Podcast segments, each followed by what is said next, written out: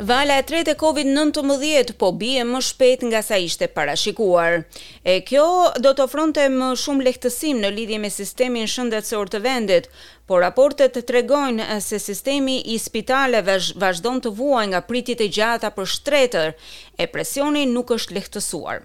Ministri federal i Health paralajmëron se situata do të mbetet e vështirë për javë të tëra.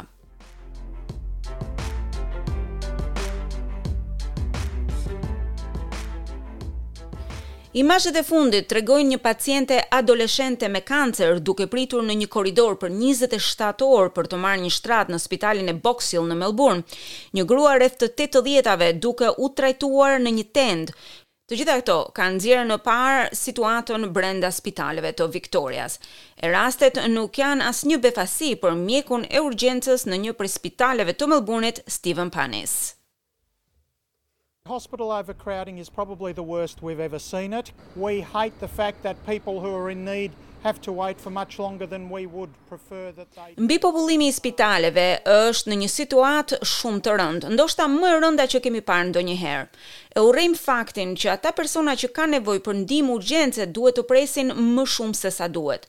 Gjithmonë ekziston rreziku se sa më shumë që të presë dikush, aq më e rëndë do të jetë situata e tij shëndetësore. Përdorimi i vazhdueshëm i tendave për të bërë triazhin e pacientëve nëpër spitalet e urgjencës është problem shqetësues për presidentin e Shoqatës Mjekësore të Australisë në Viktoria, Roderick McRae. It provides a minimalist level of accommodation for people so that they can be discharged from ambulances to then allow the ambulance to go to the next. Siguron një nivel minimalist akomodimi për personat që janë të sëmurë, që ata të shkarkohen nga ambulancat e më pas që ambulanca të shkojë tek personi tjetër që ka nevojë për ndihmë urgjence. Por është e pamjaftueshme për një vend si Australia e sigurisht Victoria, ku ne kemi aspirata për një kujdes më të lartë shëndetësor. Ministri federal i Shëndetësisë, Mark Butler tha se përmirësimet mbeten shumë larg. I think we'll see some relief over the next few weeks, but there's still a lot of pent up demand in the system, a lot of people weren't able to get their care. Mendoj se do të shohim një lehtësim gjatë javëve të ardhshme, por ka ende shumë kërkesa. Shumë persona nuk janë në gjendje të marrin kujdesin e nevojshëm shëndetësor. Covid nëntëmbëdhjetë dhe gripi nuk janë faktorët kryesorë që ndikojnë tek sistemi spitalor.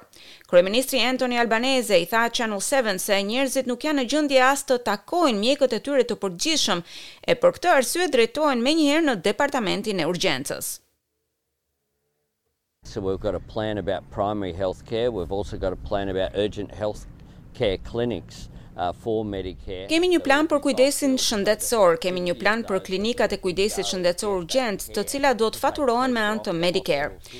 Pesëdhjetë prej tyre, në mënyrë që njerëzit të shkojnë e të marrin kujdesin për të cilin kanë nevojë, e jo të rëndojnë sistemin e spitaleve.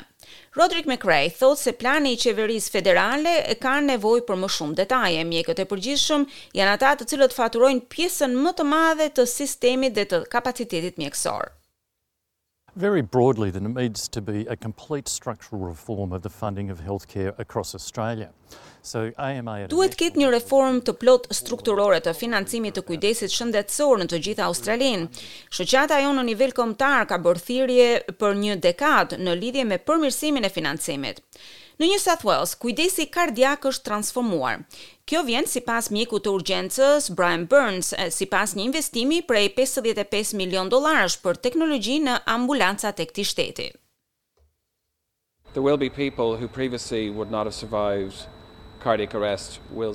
Ka njerëz që më parë nuk do të ishin në gjendje që të mbijetonin nga arresti kardiak e tani janë në gjendje ta bëjnë këtë. Ata do të shkojnë në shtëpi të paprekur e shëndoshë e mirë.